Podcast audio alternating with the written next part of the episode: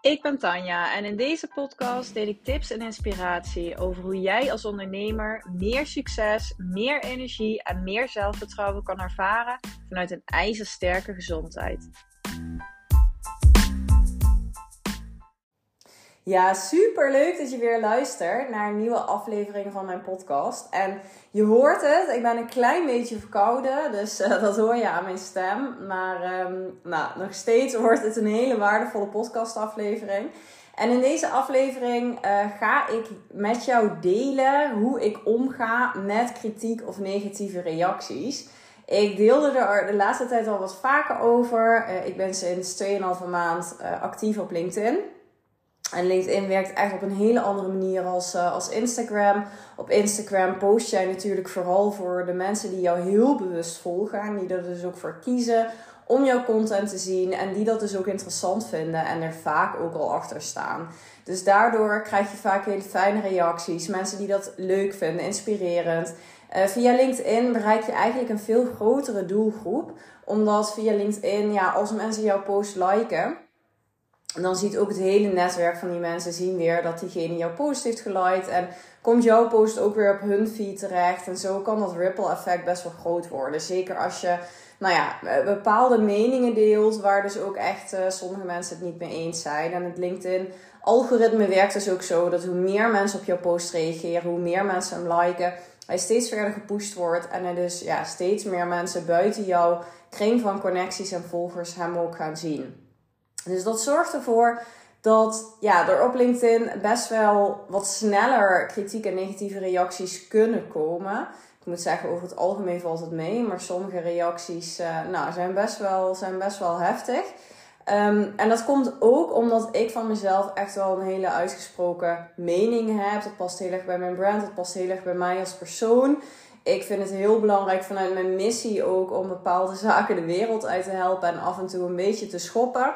Um, dat doe ik dus ook in mijn content op LinkedIn. En nou ja, het zijn echt vaak posts waarvan ik oprecht zelf denk van... Ja, hier gaan toch niet echt heel veel mensen van kunnen, wat van kunnen vinden. En toch ja, word je dan weer zo verbaasd over de leefwereld... waar sommige mensen toch nog in hangen en waar zij dan toch iets van vinden.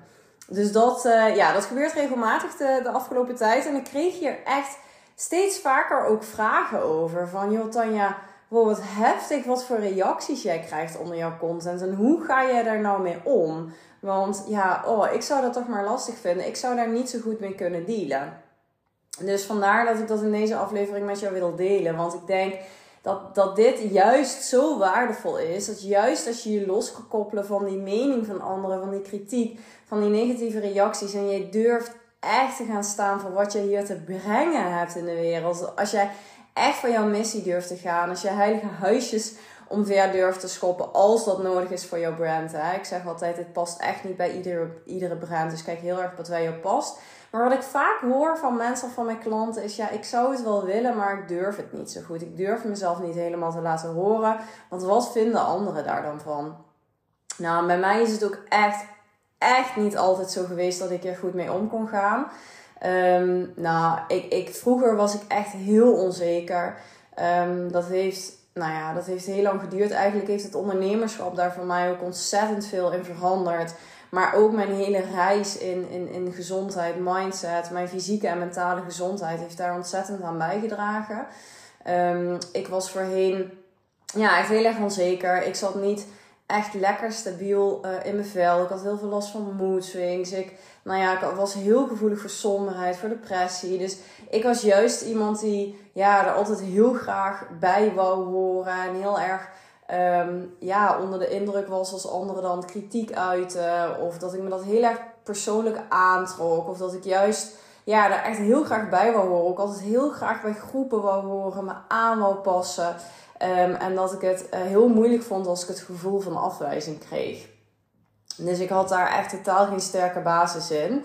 En nou, doordat ik mij, um, doordat ik de opleiding orthomoleculaire therapie ben gaan volgen en mij steeds verder in gezondheid ben gaan verdiepen, heb ik echt een hele sterke basis om te beginnen gelegd. Want wat ik daar merkte en wat ik echt niet had verwacht, is dat ik me mentaal zoveel sterker ging voelen uh, op alle vlakken. Omdat ik dus mijn hele voeding en leefstijl en, en, en mindset daarmee ook om, omgooide. Eigenlijk op een hele andere manier daarnaar ging kijken en op een hele andere manier voor mezelf ging zorgen.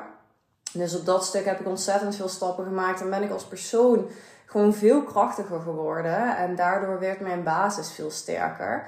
Nou, toen kwam ook het ondernemerschap. En dat was voor mij weer even next level. Want ja, die onzekerheid zat er natuurlijk nog, um, nog in de basis in. En dat, die angst voor afwijzing kwam natuurlijk ook ergens vandaan. En ja, dan kom je in het ondernemerschap. Waar je natuurlijk gewoon helemaal in het diepe wordt gegooid op dat vlak. En waar je er maar mee te dealen hebt. Gewoon elke dag opnieuw.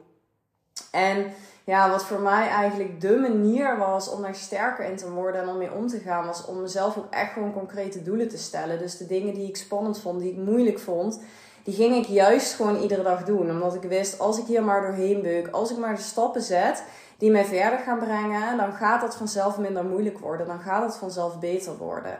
Dus bijvoorbeeld het, het, um, het praten in stories, of het überhaupt maken van stories, of het maken van posts, of nou ja, het online zetten van een podcast. Dat ging ik dan niet per se iedere dag doen, maar ik stelde mezelf wel een heel duidelijk doel. Vanaf het begin heb ik ook twee keer per week een podcast uh, opgenomen. Om mezelf maar zo snel mogelijk daarin te trainen en om het gewoon uh, te krijgen. Nou, dus daar zit heel erg hè, dat stukje al in van. Nou ja, ik had die basis van die sterke basis vanuit ook die focus en die discipline, waarvan ik gewoon besloot: oké, ik ga dit gewoon doen. Ik ga er doorheen en ik ga wel zien um, wat er komt, zeg maar. Ik kan het aan. Dat vertrouwen zat er wel heel erg in. En eigenlijk daardoor, door dat ook doen, door dat toepassen, door telkens vanuit die, um, die discipline, ook die stappen te zetten, werd ik daar steeds sterker in. En leerde ik juist door die afwijzing maar aan te gaan, door het maar te ondervinden, door te kijken wat de reacties zijn en door het juist ook niet persoonlijk op te nemen, werd ik daar steeds sterker in. Um, en eigenlijk is dat ongemerkt op die manier, heeft dat er bij mij voor gezorgd dat ik dus heel erg ben gaan ervaren ook dat. Ja, ik heb mezelf heel vaak de vraag gesteld: wat is nou het ergste dat kan gebeuren? Wat is nou echt het ergste dat kan gebeuren? Als je bijvoorbeeld gaat lanceren, of je bent zo bang voor dat gevoel van afwijzing, of dat er niet genoeg mensen instappen, of dat er niet genoeg mensen op jou zitten te wachten. Als je jezelf constant maar die vraag stelt: wat is het ergste dat kan gebeuren? Dan wordt het allemaal zoveel minder erg en dan wordt het allemaal zoveel uh, makkelijker. En op die manier heb ik ontzettend veel zelfvertrouwen ontwikkeld. Vanuit die combinatie van die basis, die dus echt super goed was. Ik voelde me daar ook goed in. En dus door bewuste stappen te zetten om door die onzekerheid heen te beuken, om uit die comfortzone te gaan en juist dingen maar te ondergaan en te ondervinden die mij misschien triggerden en die ook dat gevoel van afwijzing konden triggeren. En nou, nu, als ik het bruggetje maak met het LinkedIn-verhaal, daar zit dan ook een beetje de combinatie in. Ik heb hier eerder ook een podcast uh, over opgenomen, nog niet zo lang geleden, ook over hoe ga ik om met de kritiek op orthomoleculaire therapie. En dat zit hier ook een beetje in.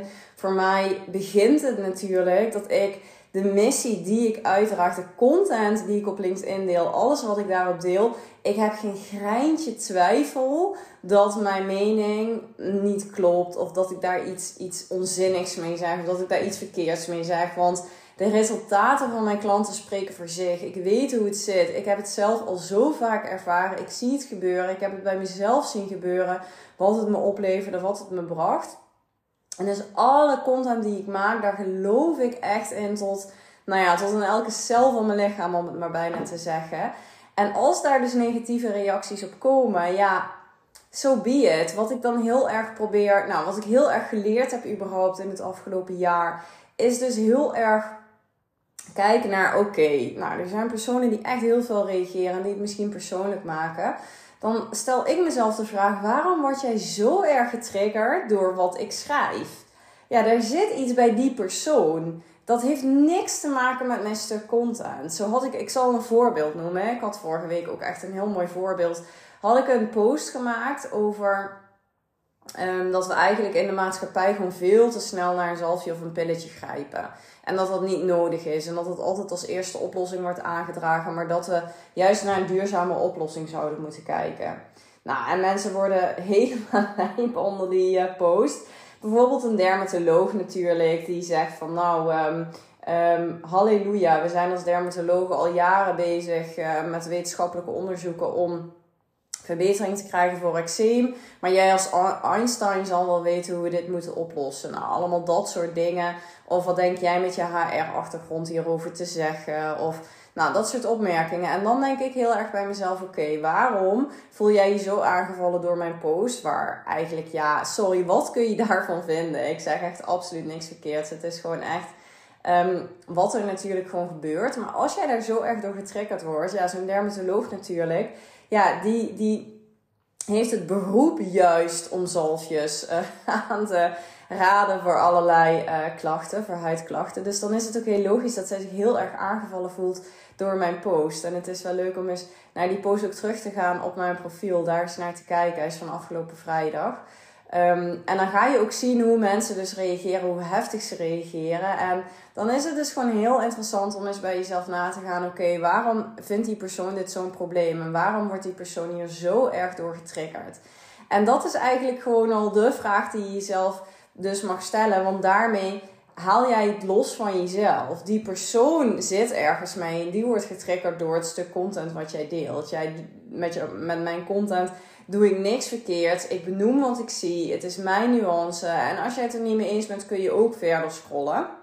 Of gewoon op een hele fijne, objectieve manier jouw mening geven. Dat je andere dingen ziet gebeuren, of dat je nuance mist, of dat je het uh, op een andere manier uh, zou zien. Nou, dat is helemaal prima. LinkedIn is een discussieplatform, dus dat lijkt me heel logisch.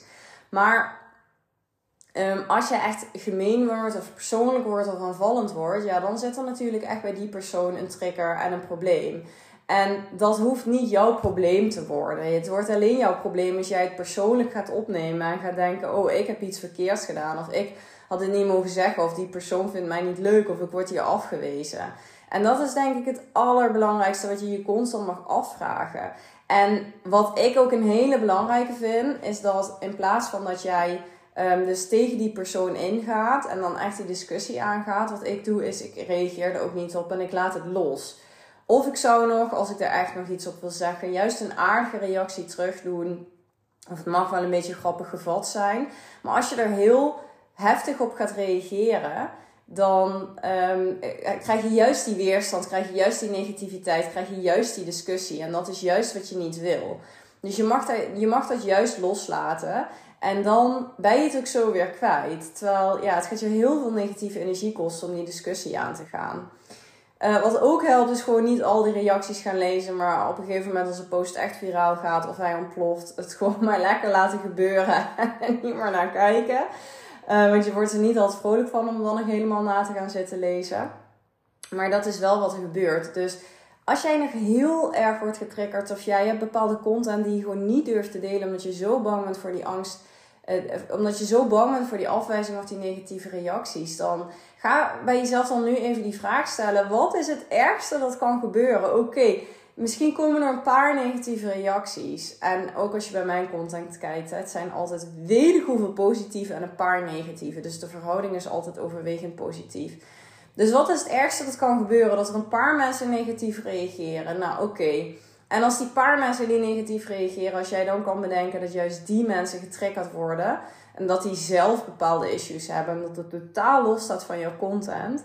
En de content die jij deelt, als jij gewoon weet, als jij 100% voelt van ja, dit klopt gewoon, dit is echt mijn visie, ik mag die delen, ik mag mensen deze bewustwording en het inzicht geven.